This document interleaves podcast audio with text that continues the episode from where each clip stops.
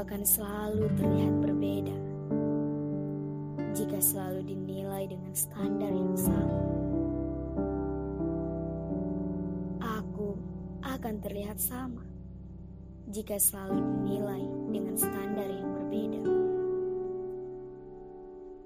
Ketika mereka selalu menertawakanku, karena aku terlihat berbeda selalu,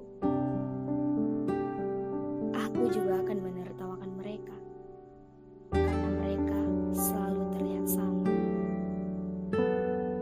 Perbedaan bukan sebagai penghalangku untuk bahagia dan optimis selalu.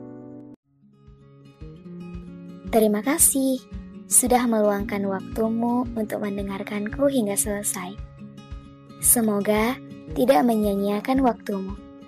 Ikuti aku jika rasa suka sudah di hati melalui Instagram di Bersuara Lagi.